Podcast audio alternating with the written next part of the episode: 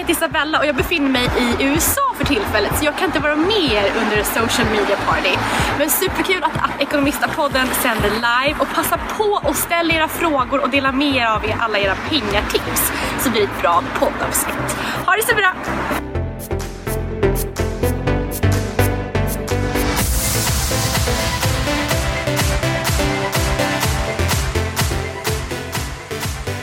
Hörrni, jätteroligt att ni är här idag. För er som inte känner igen mig så heter jag Pingis Hadenius och tillsammans med Isabella har Ekonomistas podcast. Så superkul att ni är här idag. Det är första gången faktiskt som vi gör en livepodd och ni ska vara med. Så att eh, om en liten stund så kommer jag faktiskt att gå runt i publiken och vilja ha med er. Ni får ställa era frågor. Det är jättekul om ni kommer med era tips också. Eh, för det är inte bara jag som ska vara experten här idag i tanken utan jag vill också att ni jättegärna får berätta. Ni kanske vill berätta någonting som är något riktigt dåligt ekonomiskt ni har gjort, någonting smart. Hur känner ni inför pengar? Det finns jättemånga frågor och idag vill jag göra det här med ekonomi rumsrent helt enkelt. Ni ska våga. Jag tänkte faktiskt nu alltså gå runt i publiken. Vi har aldrig gjort så här förut. Men vad säger man? Caring, eh, Eh, sharing is caring heter det. Och nu blir alla rädda här försvinner ser jag. Eh, Hanna, du som är, står där bak som är min kollega, du är extremt orädd. Kan inte du, och börja här nu, dela med dig det värsta du har gjort ekonomiskt och någon, eh, ett bra sätt du har i din vardag att hantera pengar. Det blir två frågor igen, så får du börja dela med dig. Eh, nej men bästa tipset och som sparar pengar tror jag är matlådor. enkelt. Eh, tråkigt men enkelt. Eh, värsta... Jag tror inte jag riktigt kommit dit än där jag gjort någon sån här riktig klaver. Så att jag... Bokat någon dålig resa som blev för dyr eller? Ja, Ja, i och för sig när jag skulle åka, jag är från Göteborg. Eh, Så kom jag till, till, till centralen här i Stockholm och så kände jag så här, nej, känns inte riktigt rätt i magen. Så då hade jag bokat för att jag skulle åka hem till Göteborg men jag hade bokat biljetterna så jag skulle gå till Stockholm. Så då fick jag boka om. Och det blev dyrt. Ja, det blev dyrt. Väldigt dyrt. Det är snart nytt år. Om du tänker lite ekonomiska mål för dig själv och hur du ska kunna nå dit.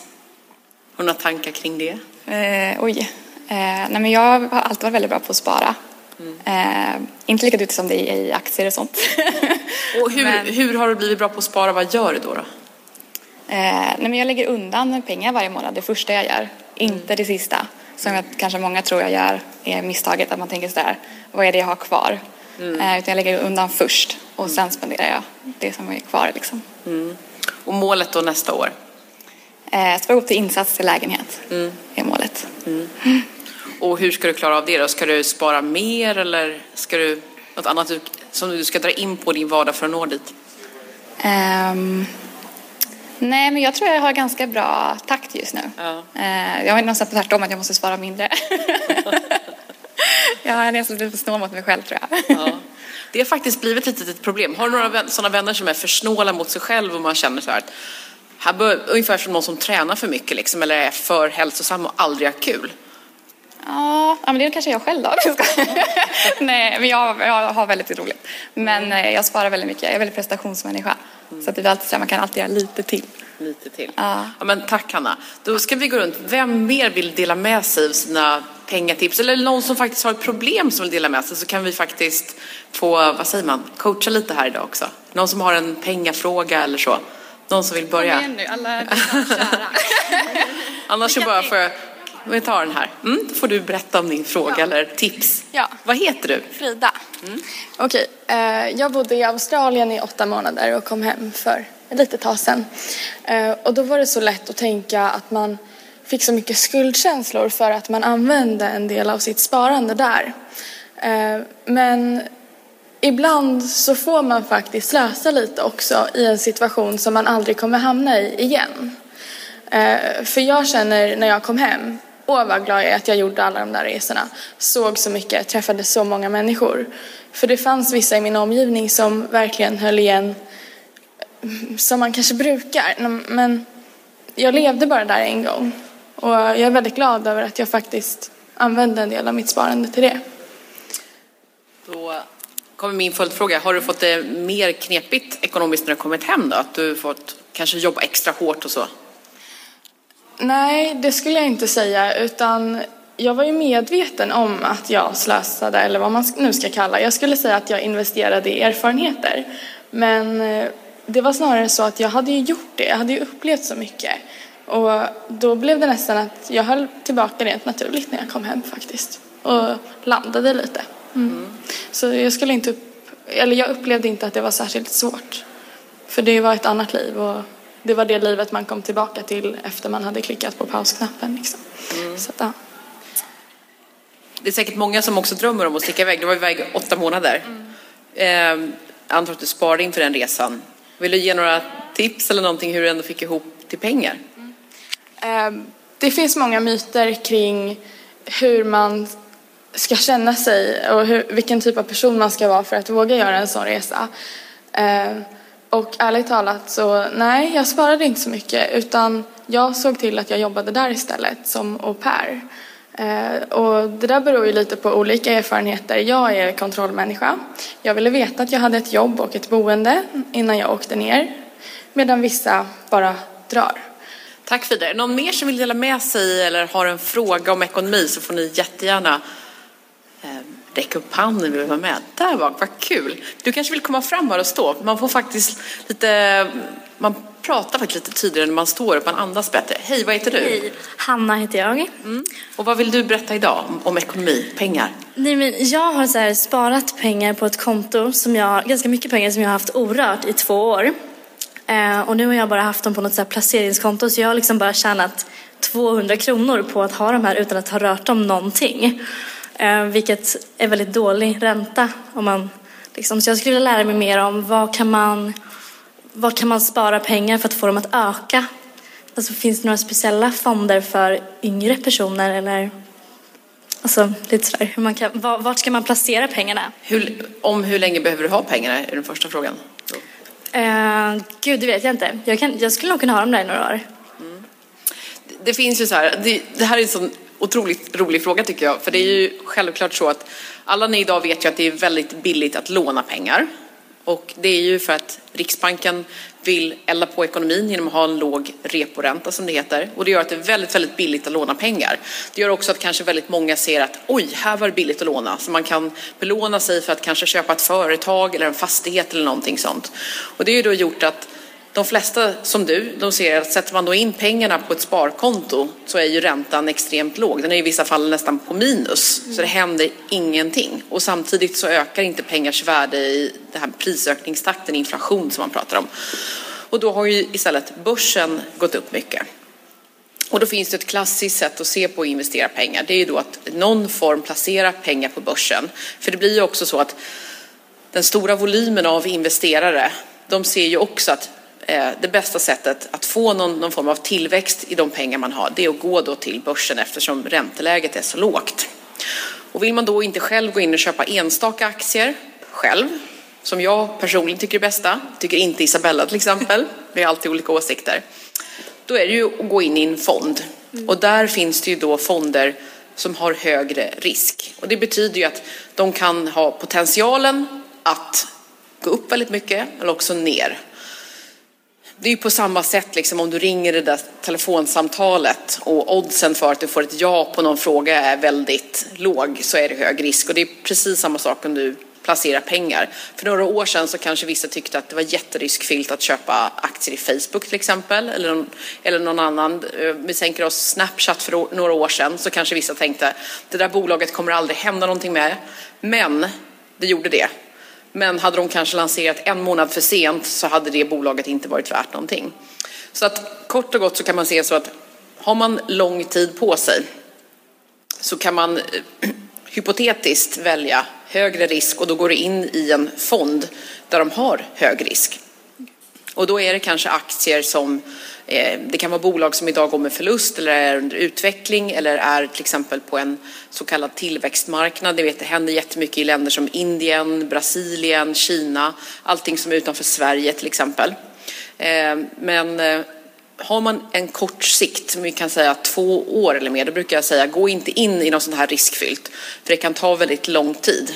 Om du startar ett jättespännande bolag idag och du säger det här kommer gå hur bra som helst, Eh, så är det ju hög risk att du, du kanske misslyckas på vägen. Medan köper du aktier i eh, Kappahl eller H&M eller Clas Olsson eller ICA eller Nordea eller någon annan bank. Det är väldigt liten chans i alla fall att de kommer gå i konkurs. Så att om du tycker det är för svårt så skulle jag göra så här. Spara det du förstår. Gå ut och titta på handelsbolag som du kan förstå, där du kan känna Nej, men jag vill nog köpa eh, aktier i Axfood, det vill säga de som äger eh, Willys och Hemköp till exempel. Eh, där älskar jag att handla, det är alltid fullt med folk. Nu, nu tar jag det väldigt enkelt. Eller så känner du så här, ICA, gud de är så himla duktiga på att här omvandla och de är duktiga online och allting. Eller så går du förbi eh, butiker inom handel och ser att det är H&M jag ska köpa eller det är Kappahl eller det är MQ eller någonting annat. Så att eh, så skulle jag göra. Men personligen tycker jag aktier och där finns det många spännande bolag. Eh, ICA och eh, till exempel H&M som är lätta bolag att förstå sig på. De har en ganska hög utdelning varje år, som en ränta man får varje år. Och det är några procent och det slår i alla fall bankräntan. Så det kan vara ett sätt att börja där. Och så lägger du inga pengar på kostnaden för det. En fond kostar ju oftast lite. Mm. Och vill du inte göra någonting, då köper du en indexfond. En svensk indexfond. Och det finns hos eh, flera sådana här nätaktörer och kostar ingenting. Noll kronor i avgift. Så då kan du bara göra ingenting. Men det viktigaste är att du tar beslutet själv. Mm. Tack så jättemycket. Jag fick verkligen, ja, men det, ja, verkligen bra svar. Ingen fler mer följdfrågor? um, nej, men jag får väl helt enkelt, jag vill bara lägga dem någonstans där de ökar lite mer än så här 200 spänn om året, mm. eller på två år till och med. Mm. Vill du dela med dig av något bra ekonomiskt tips eller något sätt som, som du gör din vardag för att kunna spara de där pengarna? Jag är väldigt bra på att hålla inne så små utgifter som en latte hit eller dit liksom. Eller uh, ja, men de här små utgifterna som kan bli ganska mycket när det väl kommer till kritan. Liksom. Mm. Så uh, det är väl mitt bästa tips att alltså, ja, hålla inne på de här små sakerna. Tack! Mm. Då fortsätter vi. Vad kul att du var med. Någon mer som vill? Vi har en kille där bak. Kan vi inte ta dig så vi får få lite, vad säger man, så här, jämlikhet här i, i podden. Det tycker jag var kul. Hej, vad heter du? Uh, jag heter Dimitri. Ja. Kan inte du berätta om något ekonomiskt tips som du har? Någonting som du gör eller någonting om pengar? Uh, jag har faktiskt tre företag just nu. Uh, och jag investerar väldigt mycket i mina vänners idéer och deras också företag. Man måste tänka bara liksom att det finns alltid en risk, som du sa tidigare. Och eh, är det verkligen någon bra idé som man kanske känner att ah, det här kan bli någonting liksom, senare i framtiden, då ska man investera. Annars är det bara liksom tänka, ja, ah, jag vet inte riktigt om det här är någonting som kan bli något. Så då känner man, nej, jag vill inte investera i det. Mm. ja. Har du någon sån här vardagsekonomitips? Där? Hur, hur får du ihop din ekonomi varje månad? Hur gör du för att spara? Vad sparar du i? Eh, jag jobbar väldigt mycket så att eh, det finns inte liksom stora utgifter som att fika hela tiden eller typ gå ut och så. Så att jag ser till liksom, jag tänker på ah, vad ska jag göra imorgon? Jag ska göra det, det, det. Och sen känner jag liksom att ah, um, man ska liksom tänka, jag är väldigt snål om man säger så.